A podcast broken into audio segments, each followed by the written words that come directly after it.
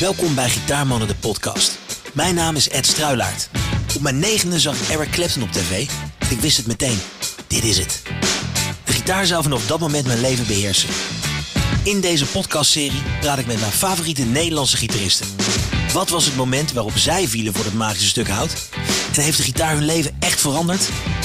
Vandaag praat ik met James Morrison. Je luistert naar Gitaarmannen, de podcast.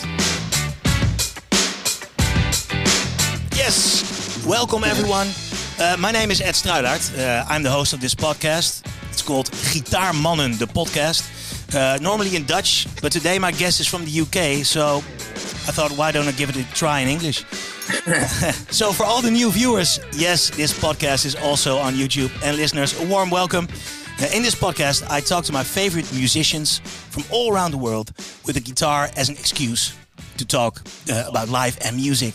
Uh, if you would like to support the podcast, please go to this address. There it is, petje.af slash Ed Struijlaart. Um, and decide if it were if it's worth something to you. All good. Um, okay, let's get the show on the road and let me introduce my guest to you. James Morrison was born in 1984 in Rugby, England. He first discovered guitar when his Uncle Joe taught him how to play a blues riff. And in 2006, James was catapulted into the music scene with his worldwide hit, You Give Me Something. Here in Holland, it reached the second place in the charts, only to be beaten by this song by Marco Borsato and Lucy Silvas. Releasing massive songs in the years to follow, it now is time for his greatest hits album, which will see the light of day on February 11th. Time to talk about his career and his love for the guitar. Ladies and gentlemen, today's guest in Gitaarmannen the podcast, James Morrison. James, welcome Thanks to for me. yeah, welcome, man. Um, first of all, how are you doing? Um, how, how is how is COVID in England at the moment? It's, it's actually not too bad. I think it's calmed down quite a bit now, um, which is good because it means gigs are starting to happen again. So yeah, it's it's good. I think it's, it's starting to feel like it's coming back to normal a little bit. Ah, that's great. But it's been so hectic. I think everyone's struggled with this because of the freedom thing. You know, I think we've we're in a little bubble before, um, and it sort of opened our eyes to like how how much freedom we had and and and, and, and how we didn't really use it properly. Yeah, Um, so I think it's been a good lesson for me. Hmm. It's been a massive lesson for me in terms of appreciating uh, what it is that I do for a living and how good it is when it is good. Um, yeah, because you normally you don't you you sort of on a treadmill with it, yeah, uh, and so only it's only when you come off that you realise how good it is. Uh, and that's kind of what happened to me. I just felt like um, I was a bit sort of non, you know, nonchalant about everything. Hmm. And then when it all got taken away from me, I realised how much I love it. Um, yeah. So that was a nice thing, actually. And really what, what was like the the, the, the lessons the, the lessons you learned are, are pretty clear and, and and I think we all uh, are are like really like a, a little bit more humble maybe about Yeah. the thing we do for a living. Um, Yeah. But also, how did you fill the time? I, I put this studio together, my Ah. little studio. Um, Show us around. Yeah, it's my home studio. Got a little drum kit. Oh, nice. All my guitars. Yeah, so it's just like uh, I, I didn't. I, I was wanting to do loads of writing sessions, and so uh, to be able to do it, I had to set my studio up at home. Uh, and actually, it was a really good thing. It just it allowed me to sort of create my own space to write in, and I had quite a few sessions up here, and, Yeah. and it was nice. I wrote I wrote the um, first single off off this album Hmm. in this studio, so it was a nice way to sort of feel like I can make music at my house. Yeah. You don't Uh, have to rent all the expensive, yeah. expensive studios anymore. Yeah, Yeah. that's the first time I've done it. So it, it was it was it's, it's been good. It's been good to have my own space, definitely. Liberating, maybe. Yeah, hundred percent. I should have done it a lot long time ago. Really, Yeah. uh, it's, it's just allowed me to sort of uh, develop myself as an artist. I've never really had the space to do that. Was that because, uh, well, the couple of I don't know how how many years have you been on the on the scene I was a now? sla- I'm a slacker. I should have got a studio when I was Yeah. 21. But when all That's the, the, that's the reality of it. Is that I should have got a studio when I was 21, but because I was brought up so poor, Hmm. I don't know. I panicked yeah in the beginning that if I spent all my money on a studio and and it didn't go well, then it wouldn't justify me, you know, having a studio. And I just didn't al- feel like I was that good Yeah. have a studio. And it's also because Uh, rec- record companies pay for the studios. It's like, Yeah, Well- yeah, that's it. And I didn't really understand any of that part of it. You know, it Hmm. took me a long time to get my head around how the business actually works. yeah, Um, and so now I've figured all that out a little bit. Uh, it's it, I'm trying to be more independent, as Is much that- as, more independent as I can be. Really, is that also the reason you re-recorded like uh, 13 of the 15 songs on, on the Greatest Hits album? why not? I think Yeah. I think for me, I wanted to get excited about it, and the only way I get excited about putting out a greatest hits is if I re-recorded those songs, just because they've, I've had to listen to them for probably. 15 years. So, Yeah. you know, to, to go back in and feel excited, I had to do something new.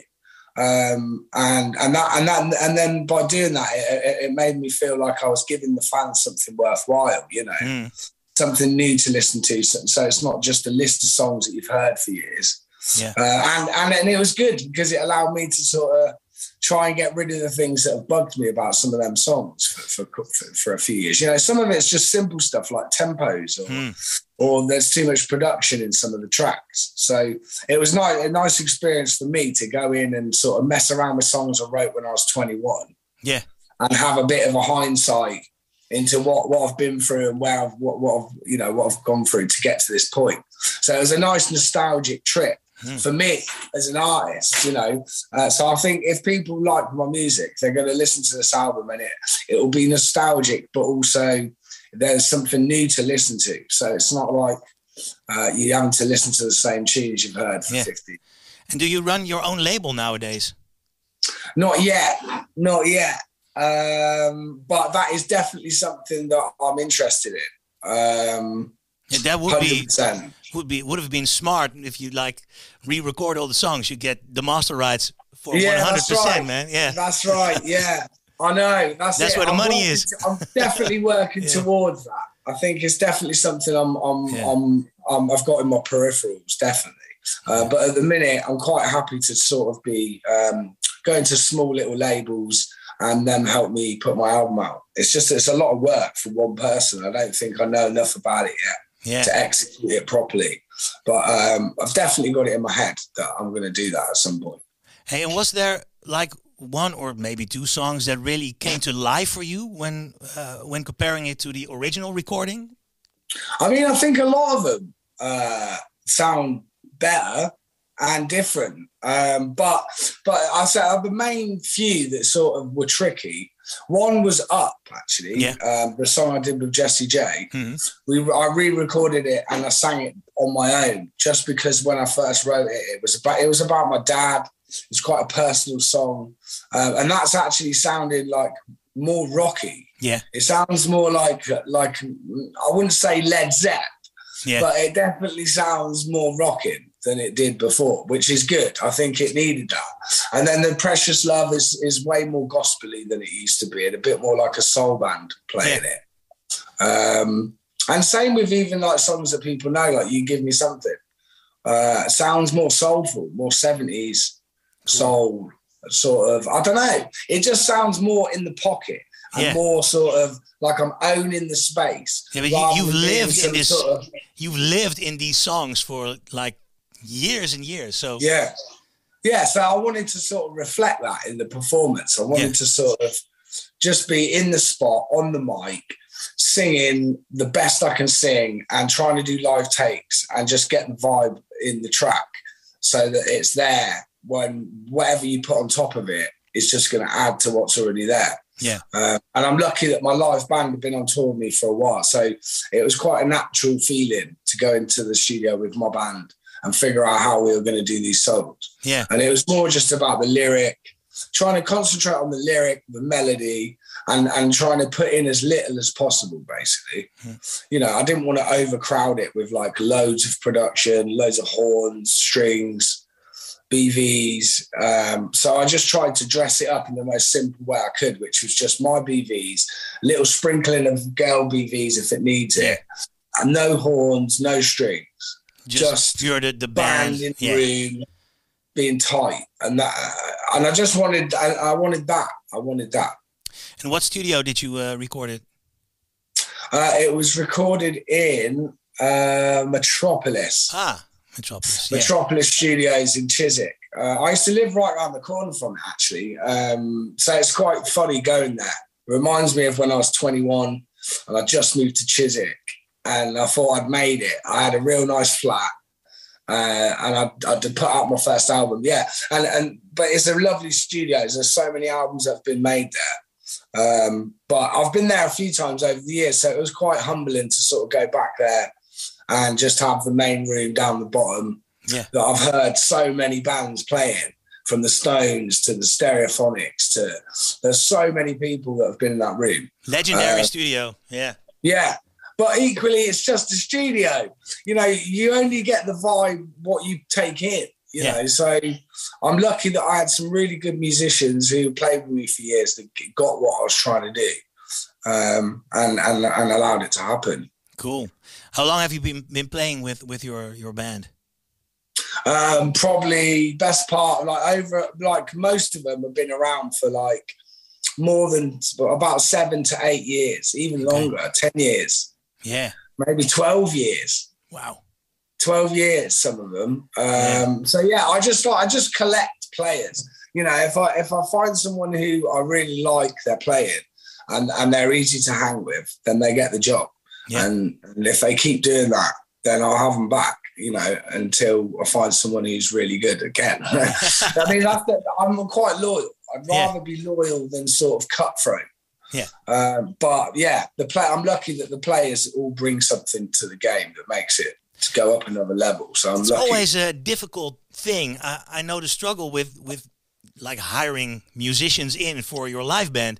It's like, do I get like the best player, but he's an asshole, you know, or, or do I get people who are great and maybe Yeah. when all the people come together, it's like the, the sum is more than uh, yeah, than all the parts. Yeah. yeah, yeah. That's right, and that's kind of what I feel like about my band.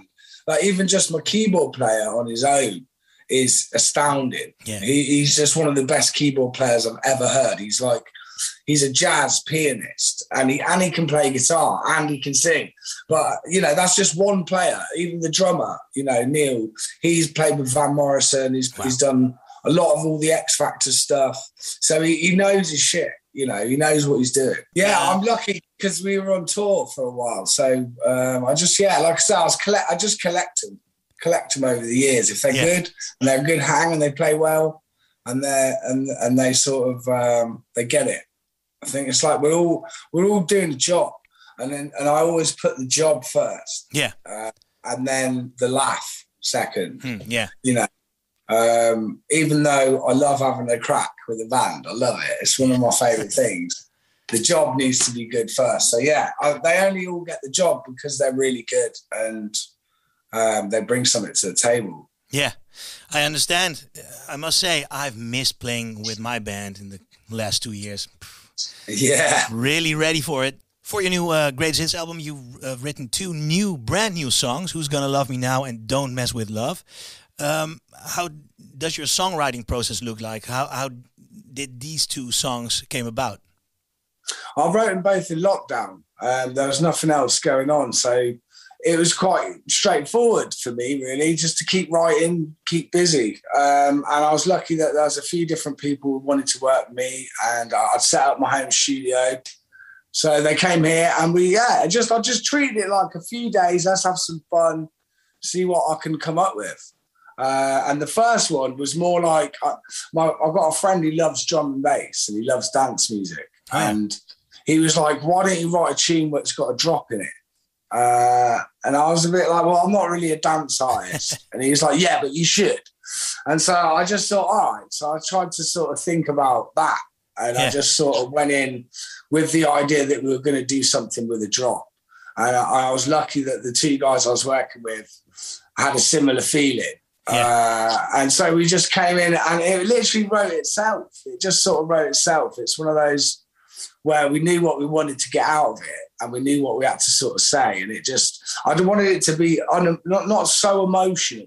you know, like the ballads and stuff. Mm. I wanted to just be more like you're getting on the mic and you're just singing it as hard as you can sing it. Yeah. Uh, and I just thought of other vocalists that, like, if they wanted to, you know, there, there's some meat on it, you know, mm. for a singer, there's some meat on it to sing. There's some pockets to get into. Yeah. And that was the main thing I wanted from the first one, really. Was it was it for it to be different to what I'd done before and to push the boundaries of what people perceive me as a little yeah. bit. Um, and then the second one was more straight down the line, sort of me trying to write a sort of, I don't know, classic sort of soul mixed with like a, a pop chorus, I guess.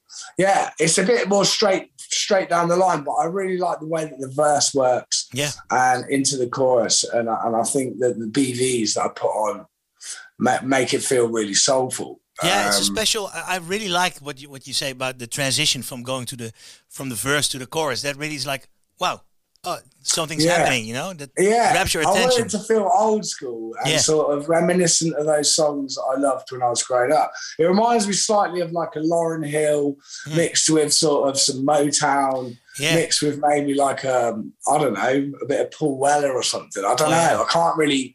I just tried to picture something summary hmm. that felt upbeat that was sort of a play on play on on on words, not too serious. Yeah, you know, just something to listen to that sounds nice. You know, yeah. uh, not really putting my life into the song, but no. equally, I agree with what it's saying. not every song has to be like from the depths of your despair. Yeah, that's it, and uh, that and that's kind of what I've had to learn. I think I've always wanted to write those soul gut wrenching songs that are like I don't know that when you're at the last part of your, you know, your wheels giving out and life's getting too hard and you need a bit of respite. I always want my songs to be that. Yeah. You know, I, and, the trouble is, nobody really likes listening to songs like that unless they're miserable. Exactly. so uh, you get a lot of miserable people in the audience. I think people think I'm more miserable than I am. Yeah. Um, but yeah, I'm learning. I'm learning to try and have fun with it as well. You know, like as much as the gut wrenching emotional stuff, I want stuff that feels good to listen to, that makes you want to dance and makes you want to sing from a from an entertainment, feeling good point of view, rather than just all about the emotions. You know, I've got also, a lot of balance uh, of emotion. So yeah, but is it also maybe something?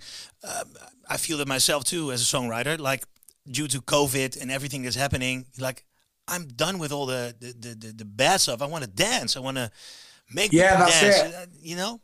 Yeah, it's Bring either if I, I either want to write stuff that's got an emotional pull on it. I want it to be more rocky sounding. Yeah. Uh, than than sweet and sort of emotional. Um, so I'm trying to figure out how to get to that point. And that's what I want to do is make is push it so it's a bit more gritty Hmm. Um, I'm just trying to find a way in lyrically. For me, I'm a lyricist. I always think of the lyric. Yeah. So if it's rocky, it's got to have a lyric that sort of stands next to that. But I'm just enjoying playing with stuff, you know. Like I was only 21 when I first started, and I feel like I'm only just getting going with my songwriting chops mm, now. Yeah. Um, you know, I was just, I was sort of, I was given an opportunity, and I wanted to, I wanted to do the best with it I could do, and I wasn't uh, confident enough to push for what I wanted to do. So yeah. I guess there's some of the stuff in my career that I'm a bit like, mm, you know, it is what it is. It's like, you know, it's romantic ballad stuff. I guess it's put into that box, uh, but when it counts, those songs are there for people in their life. Yeah. And I'm proud of that. You know, even though they're just silly little pop songs, uh, some of them are deeper than that for people. And and I've felt that across the years. And that's what's made me feel good about my my own mistakes or my own journey yeah. as a songwriter is to sort of feel like I'm growing with them. I'm I'm sort of I'm learning on the job. Yeah. Well, you've got an amazing catalog, I must say. I'm uh, a little bit jealous uh, about your catalog. Yeah, uh, I must say. Um, let's talk about guitars because this is uh, yeah. the podcast about guitars and the people who yeah. play play on the guitars. Um, so I want to go back in time first um, to the moment you first discovered the guitar and music in general, maybe. Uh, can you take us back to that that yeah, specific yeah, moment? yeah. There was like a few moments in my in my life. Um, first time I ever got a guitar, I was five, uh, and my mum bought it me, and I used to try and play it, and my sister was like, "You're rubbish." She'd be like, "Stop! You're never going to be good. You're rubbish." Um, and then, and I got so mad, I just, I just smashed the crap out of the guitar Wow. on the chair. Like I lost it Yeah. totally lost it and just smashed it to bits. And then I didn't get another guitar till I was like 10. Um, and I, all I could play really was like one string, one string sort of bass lines. Like I think it was Summertime, Oh. Summertime Blues by Eddie Cochran. You know, like.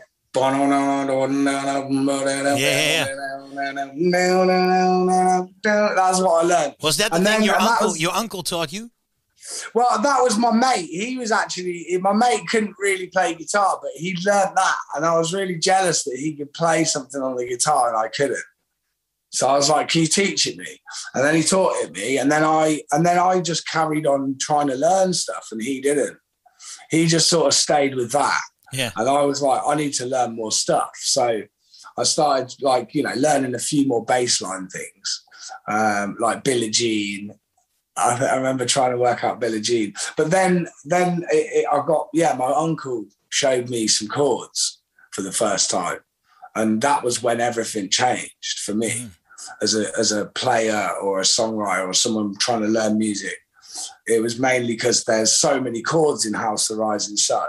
Yeah. There's Oh, like yeah. six chords at least, isn't there? Why? And so uh, with all them chords, I just thought there's so many songs I could play with these chords. Um, and then I started going on a quest to find out how many songs I could play with these chords. And there was loads. There was so many. There was so many. Yeah. Like there's so many songs anyway with just four chords. That I, then it just started my addiction to sort of trying to learn how many songs I could play on guitar. And uh, and it was when I got to the sort of I got to the Beatles uh, back catalogue in in a book with Guitar Tabs, Yeah. and Stevie Wonder had one out, and I got both of them, and I, and I, I sat and tried to learn all those songs, and a lot of them I didn't actually know. Um, some of the Beatles stuff I didn't know, but then I'd hear the melody, I'd look at the notations in the book Yeah. and see where the melody was going because I can't read music. Like the, the tablature. Um, yeah, and I'd look at the sort of notes because they have piano music as well as the guitar, and I'd Yeah. look at the notes and sort of hum out the melody, and then I'd figure out "Ah, actually I think I've heard that, and so I learned to sing a lot from not knowing what I was singing, um, and so yeah. oh, Oh, you're, uh, sorry, someone's trying to phone me. yeah, so um, what was he saying? uh, that you were trying Yeah, to play all these songs. music. Yeah. Yeah, so I, I the, the way I learned to sing was from not really knowing the songs um, and just trying to ad lib Yeah. and learning on the, learning on the go was a lot of how I learned how to sing. You know, open mic nights. I just I just used to try and you know I get thrown in requests that I wouldn't I'd know a little bit of the song but not Yeah. all of it, and so that was kind of how I learned how to deal with being put on the spot in terms of performing. Yeah, exactly. Um, I, I just ad lib round it. Be like, that's fine. I'd sing this first verse again, you know. And that was kind of where I did my apprenticeship. Really, was in open mic bars in my room, just playing in my room for years. Open mic bars, busking. Yeah. I used to go busking to build my confidence and earn some money. but that is like, then, ooh, yeah. man, that is some serious shit. Yeah. Busking. It's, it- yeah, yeah, yeah. It yeah really especially just- when you're a kid. yeah. People just walking by like, okay. and and if and, and it's quite brutal, you know. Like Yeah. if they don't want to listen, they don't listen, and, and I kind of liked that about it. It just sort of taught me how to enjoy it, regardless of whether people are Yeah. massively into it or not. You know, like music was always my thing for me. You know, I never thought I'd be doing it to play for other people. It was just more like it was my little thing Yeah. that I like to do on my own, you know. Um, and then it became what it is now, just from me doing that.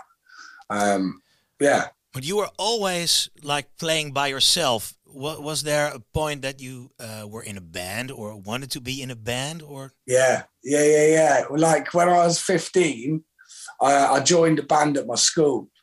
They had a they had a little school band, um, and the singer, this girl, she was really good actually. But I always remember thinking, hmm, I could sing better than her. and it was that's what started. That was where the seed sort of started. Really, was at school, and I remember thinking I could probably sing at assembly, but I just found it excruciatingly ba- embarrassing. So I didn't really say anything to the music teacher for a few years um, until I had to help a friend with her assignment and she needed a singer. Yeah. And so I went down into the music room with her uh, and it was Hey Jude, I think she was doing. And so I had to sing. And then the music teacher came in and she was like, How long have you been singing like that? And I was like, I don't know. It was Just like, that's what I do.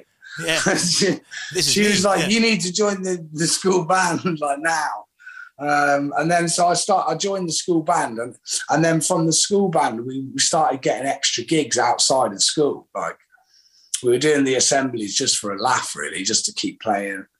And and and then it moved out of school into the pubs. Yeah. And we were doing like five gigs a week in the summer as a school band, like 16 year olds. Um, And it got to the point even where we get to the school on Monday and all the teachers and students would be like, nice gig, man, nice gig.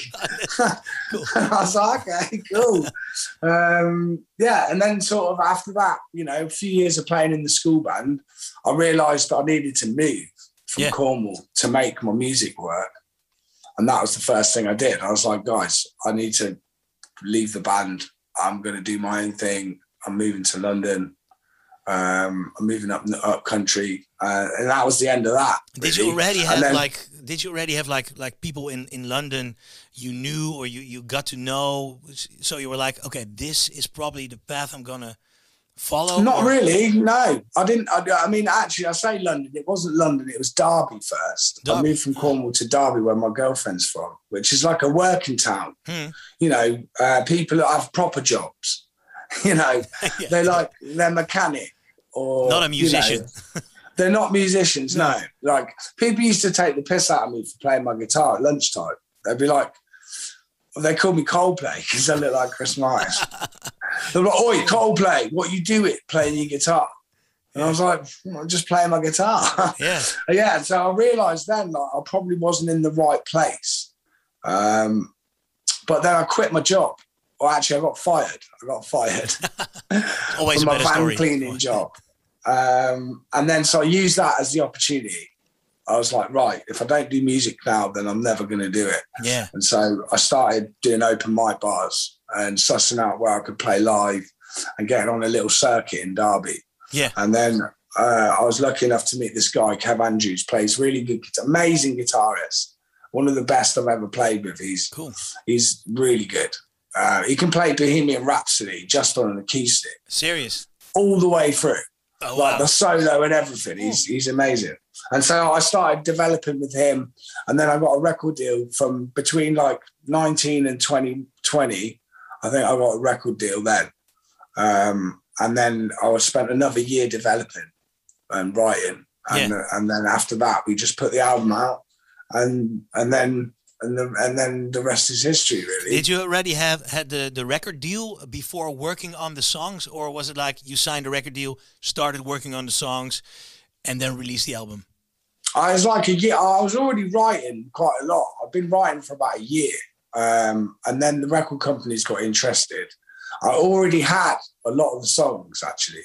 Yeah. I already had "Wonderful World," "You Give Me Something," Wow. "Undiscovered." I had "The Pieces Don't Fit." Uh, I had "Call the Police." I had a lot of those songs already. I had "How Come," "Under the Influence." There was a lot of them there.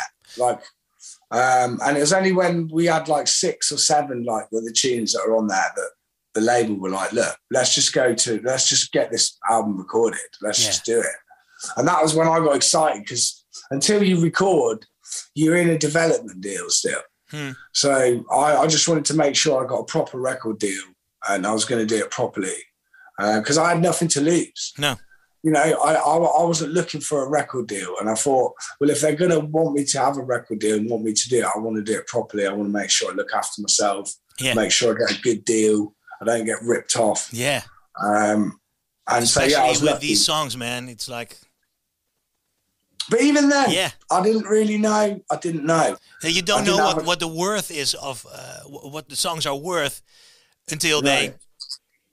That's it. And actually, a lot of songs. There's a lot of songs that are really good songs, but until you've heard them 200 times, Yeah.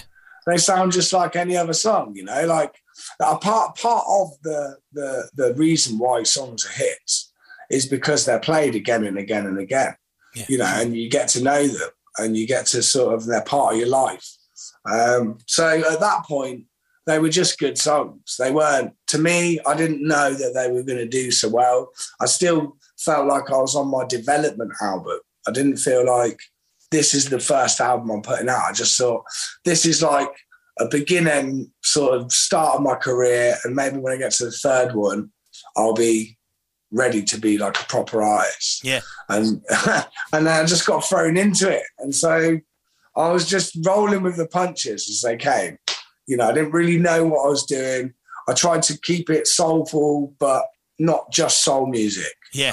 Um, I just I wanted it to be have a bit of everything to it, so that that, that it gave me room to go down different routes when Yeah. the time was right.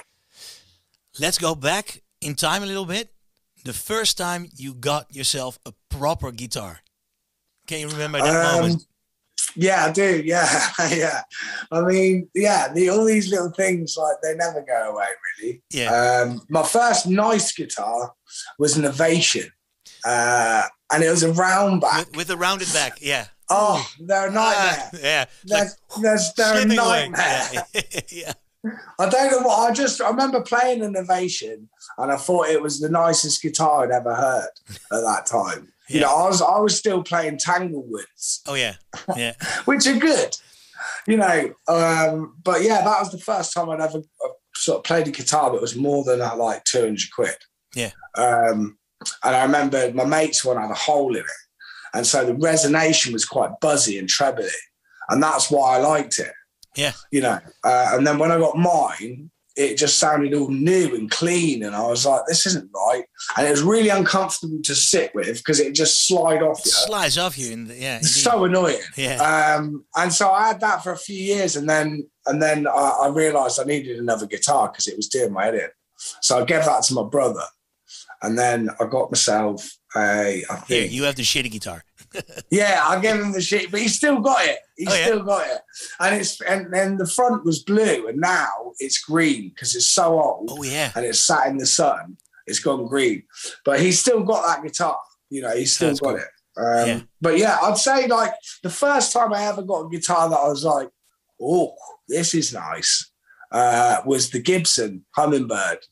Is So that I- the one you played on uh, "You Give Me Something" in, in the New York Yeah, video? yeah, yeah, yeah. Well, that that was an old one. Yeah, that's right. Yeah, that's right. Yeah, there's an old. Yeah, that's right. It's I think it was a Sunburst one. Yeah. Uh, I ended up actually giving that guitar away to this lad. Oh wow. um, he was just learning guitar and he was a big fan.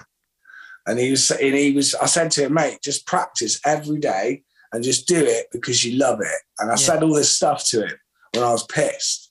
And I completely forgot about what I said. And months later, he came back round to this person's house that I was staying at. And he was like, Oh, I just want to show you what I've been practicing. And he played Tears in Heaven by Eric Clapton. He played um, Fast Car by Tracy Chapman. He played a few things that were like, oh, like you've been practicing. Wow. uh, and I thought, and I was so impressed with how his how he, he went at it and tried to learn that I ended up, I brought that guitar and I signed it for him. And I said, mate, I got you a present here. And he was like, what is it? And I was like, um, it's a guitar. And I said, it's the guitar that I used in You Give Me and Wonderful World in the videos. I said, Yeah. it's yours, mate. And I gave it to him like that. And he was like, he just couldn't believe it. Yeah. But he's still got it. He's still got it, bless him. Cool. And, he, and he, he, he is someone who, who really wants to do it. And that's why I gave it to him. Because I just thought it would be a nice little reminder for him to keep going, to keep Yeah. trucking on and keep trying. Um, but yeah, I've got loads of nice guitars than that one now. That one was all right. Yeah. I mean, this one. Oh, whoa, oh, this. Oh, This we're going to. Let, let. I've got a. Uh, let, me- let me see. Uh, this one. Let me see. The favorite guitar of James Morrison. It is. It's one of them. It's I've one of them. few. It's got Oh, a nice wow. little dub on it. Yeah. It's a Gibson. It just sounds lovely. It's just got nice action. It's not in tune though. no. but yeah, I've got quite a few. I've got a Western actually. Is that is Um, that the one you you've been playing on the acoustic version of uh, "You Give Me Something"? I think. Um, I'm not sure. the new one. I've got quite one. a few. The new one is my one that's got um, all the little inlays in the. Uh, Oh yeah. That's an Avalon guitar. That's Avalon. They used to do. They used to be called Lowden. Oh yeah.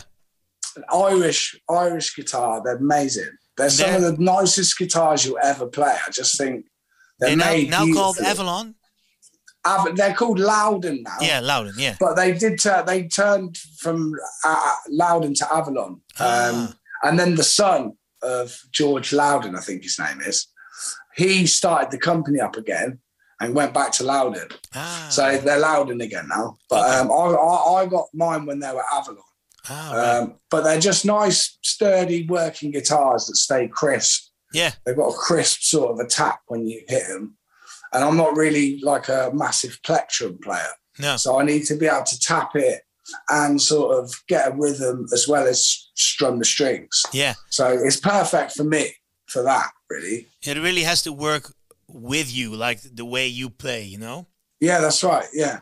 I, I And remember. I never got on with like jumbo, you know, those No. big jumbo guitars. I never, they were too bottom endy for Yeah. my voice, really. So I need something crisp because Yeah. my voice is is husky. I need something crisp that Mm. cuts through all that. yeah, exactly. Like it, if it's low end, it's got to be tight low end. Yeah, yeah, that's it. Yeah. Yeah. I understand, I understand. And with the the inlays, because uh, I, I saw that guitar on, on YouTube. Um, it was it the same guitar you played on the acoustic version of "Slave to the Music"? Maybe. Yeah, yeah, yeah, yeah, yeah. Yeah. I've had that guitar a long time. You know, probably ten years, twelve years, um, and I've been using it on tour for years. So it's it's just played in. Yeah. It's just properly played in, um, and it's just good for anything really. I can use it for acoustic um, recordings. I can use it for studio. I can use it for live. So it's just a real good workhorse. Yeah, that's the thing. You need a guitar. I have the, the same uh, like uh, struggle with guitars. I want a Mm. guitar which is good for picking, which is good for Mm. strumming, uh, which is good for like playing with the fingers. And, and You want to be able to do everything Yeah.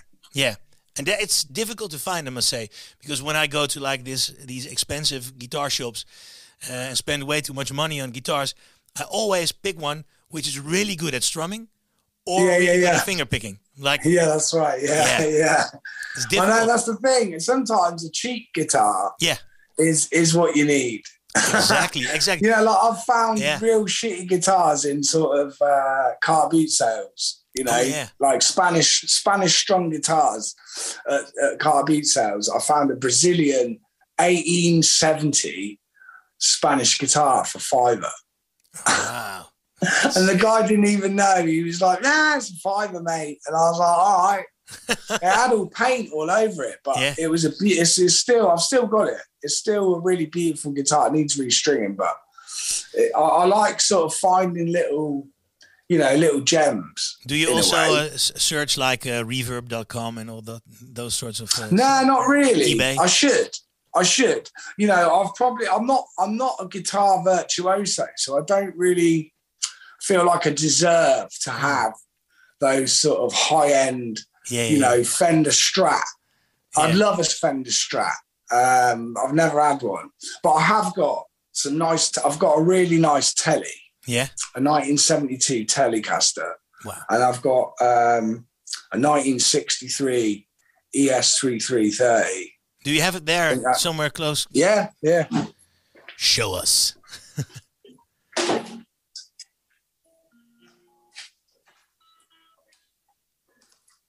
This is what it looks like. Oh wow, that is sweet. Beast. It sounds so good when you plug it in. Yeah. It's just like. Yeah. It's just so good. It, it, it's it's one of those that I, I need to I need to do some writing with it because I know that I'll come up with something pretty good. It's Yeah. just got a dirty sound. It just sounds like old school soul and blues when you Mm. play it. Um, But I love it for that. But I yeah, really I've got believe- a few different things. I really believe that guitars have songs in them that need to. You need yeah, and it's out. like there's certain areas on the guitar where you can feel they've played. Yeah, You know, like up here, I can feel like he must have been a jazz guitarist because Oh, there's yeah. loads of little bits up here that like feel really smooth. yeah, yeah, yeah. But the transitions into the notes, you can feel that they've used them quite a lot. And I love that about instruments, the Yeah. sort of the history that's locked into it. Yeah. You know, like I've got I've got one here somewhere. Don't know don't know where it is actually.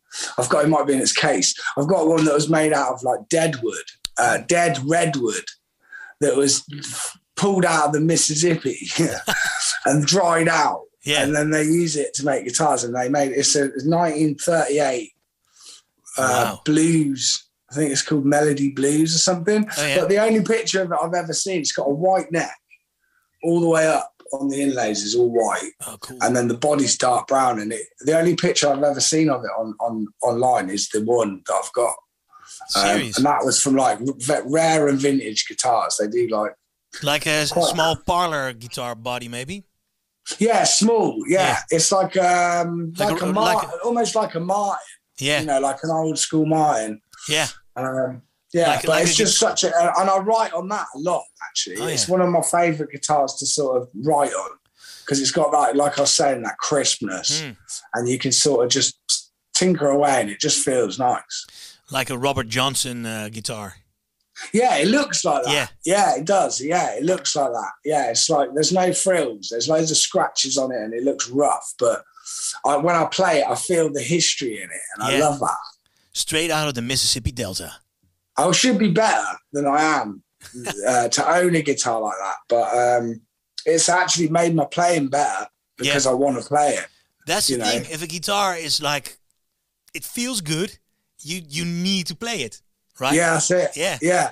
And I have that with guitars. I either like them or I don't, and I don't know what it is that makes me like them, other than it being crisp. Yeah. It sort of has a, nice ring to it, and I don't know. It's like it's like it's like girls, I guess.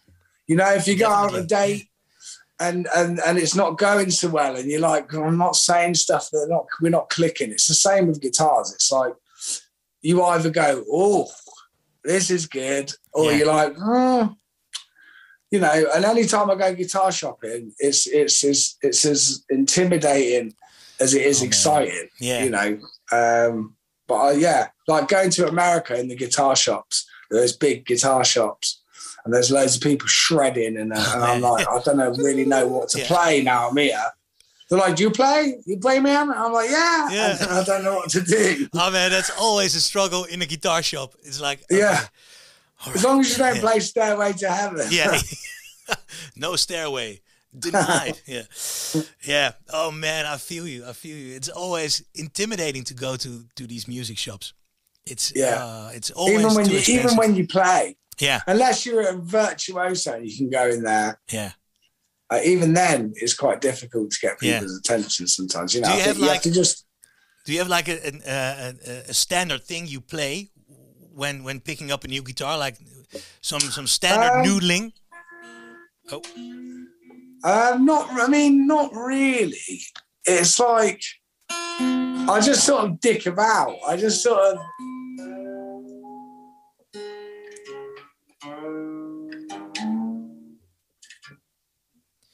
Yeah, just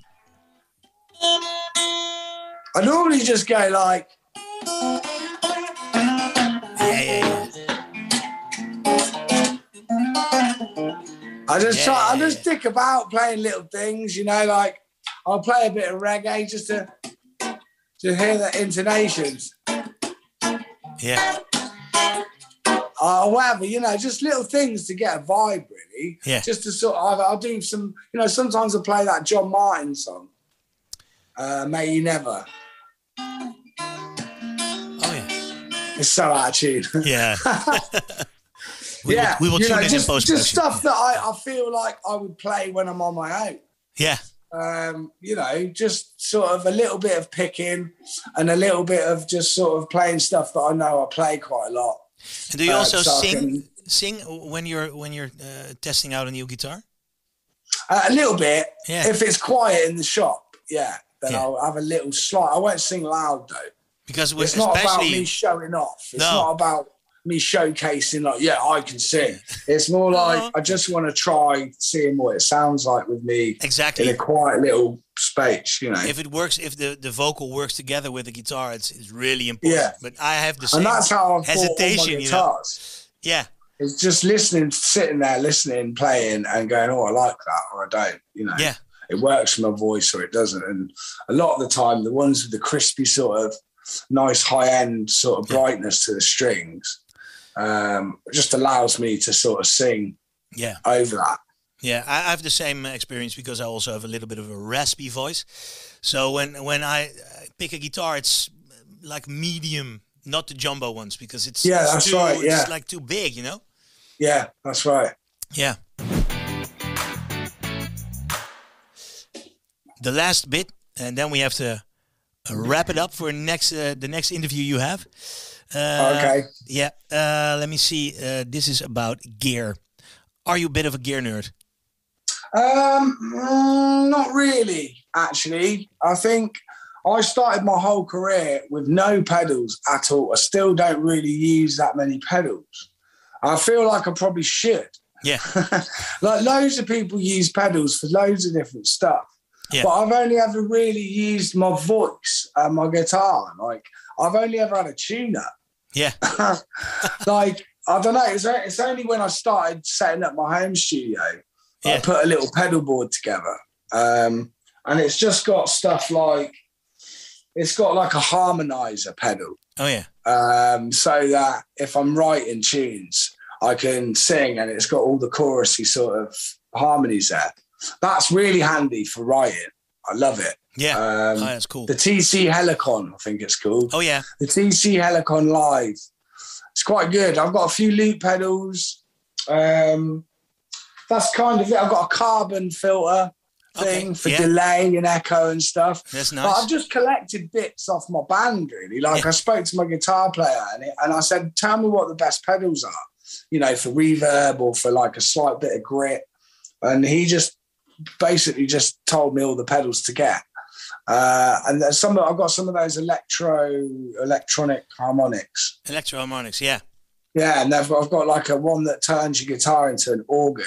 That's oh, yeah. pretty good. Yeah, yeah, yeah. I'm, I'm not. For demos, for Yeah. writing, for, for, it's mainly for writing demos. yeah. Um, but on stage, I still don't really use pedals. And le- until I go to an electric guitar, I don't think I really use pedals. Like um, I use different guitars for different things. You know, Yeah. I've got a Spanish guitar that I use for "Person I Should Have Been." That's more Spanishy, Hmm. and I've got a twelve string that I use for "The Awakening," which is a bit more sort of rocky, sort of American radio sounding. And and I use my acoustic for everything else. yeah. So it's even just like getting a different guitar was a massive thing for me in the beginning. Um, I don't know why, um, but I suppose I've tried to limit the amount of pedals and extra things I need to make me sound like me. Yeah. You know, um, I just try and you know get if the vocal sounds nice and the guitar's mic'd right and it's and then it sounds good, just like a, a guitar and vocal.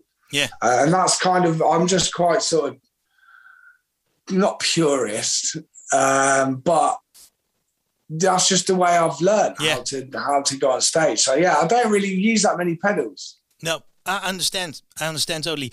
Uh, we're going. Uh, we're going quickly to the last bit, and that's a really, really fast uh, thing. The dilemmas. I'm going to ask you a question, and um, you have to choose. Okay, your house. Your house is on fire. Your children Yeah. and your, your girlfriend are safe. You have one chance to go back. You're running through this burning hallway, and there, at the end of the hallway, ah, is one guitar you can take with you. What is that guitar? Oh, that's tough. That is tough because I love all of them. Oh God. I think I'd probably say this one. because it's just there's something about it. Yeah. It's got a spirit of its own. It just it's just got a, a feeling about it when Yeah. you play that, that I don't really get from any of the other guitars. Like maybe it's because I can't play lead like Jimi Hendrix like I want it. Or John but the potential of being able to is Yeah. is more significant when I'm holding this guitar. Yeah. I understand. Okay, uh, on to the next one. A cheap amp with an expensive guitar, or uh, expensive amp and a cheap guitar. I'd say, oh, that's difficult uh, because I've had a shit amp and it really is not good. Um, and if you get a real nice, like twin reverb silver thing, one of those Fender amps, Yeah. they sound amazing. You can get, I'd say, a cheap guitar with a really good amp Good call. because the amp will sort of make it sound solid. Finger picking or strumming. Mm, I'd say finger picking. It's more interesting. It's more fun as well. Okay. I've never really liked strummy, strummy strum. No. I think that's why I always put beats into my. Yeah, I always try and put beat in there. I understand. Um, yeah. That's because I don't like the strummy strum. Okay. Um, on your electric guitar, uh, 010 or 011 strings on it. I, I go heavier than that actually. I even go to. I used to play thirteen. Wow, you because I was you. because I was I was snapping all the strings all the Oh, time. I wouldn't I, on an acoustic. I'd probably go eleven or, or heavier Okay, because they just sound a bit less twangy. You know, true.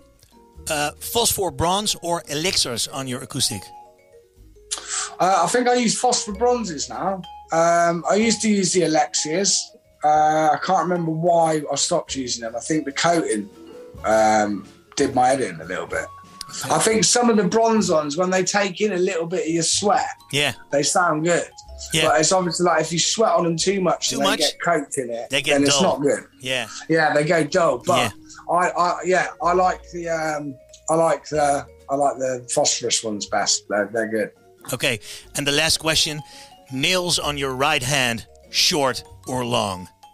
I am sure. I just find long fingernails on guitar players creepy. Yeah. I just. Um, Yeah, But oh, some of the best people who play guitar have long fingernails. Yeah. Um, It's a yeah, style. It's my- a style. I just don't. I just. I've had longer fingernails on this hand before, and they normally just catch on the strings and snap. So it's not good. You can rip your whole nail off. yeah. Um, so yeah, I keep mine short. Okay, noted. Okay, uh, I think we uh, we we've reached the end of this uh, of this me on, podcast. yeah. Uh, let me see. Let me see. I'm gonna stop this music. Thank you all for listening to uh, Gitaarmannen the podcast. Mr. James Morrison, thanks for being my guest. sir. It's been a pleasure. Uh, your greatest hits album will be out February 11th, and you're also Yeah. coming to Holland and Belgium for some shows this spring. Um, 28th of April in uh, the Melkweg, Milky Way in Amsterdam. The 2nd of May, Tivoli, Vredenburg, Utrecht. And the 5th of May, you'll be uh, playing uh, in Belgium, in Trix, in Yeah. Antwerp. Can't That's wait. nice. I love. I love playing Europe. So yeah, keep yeah, me coming back. I appreciate it.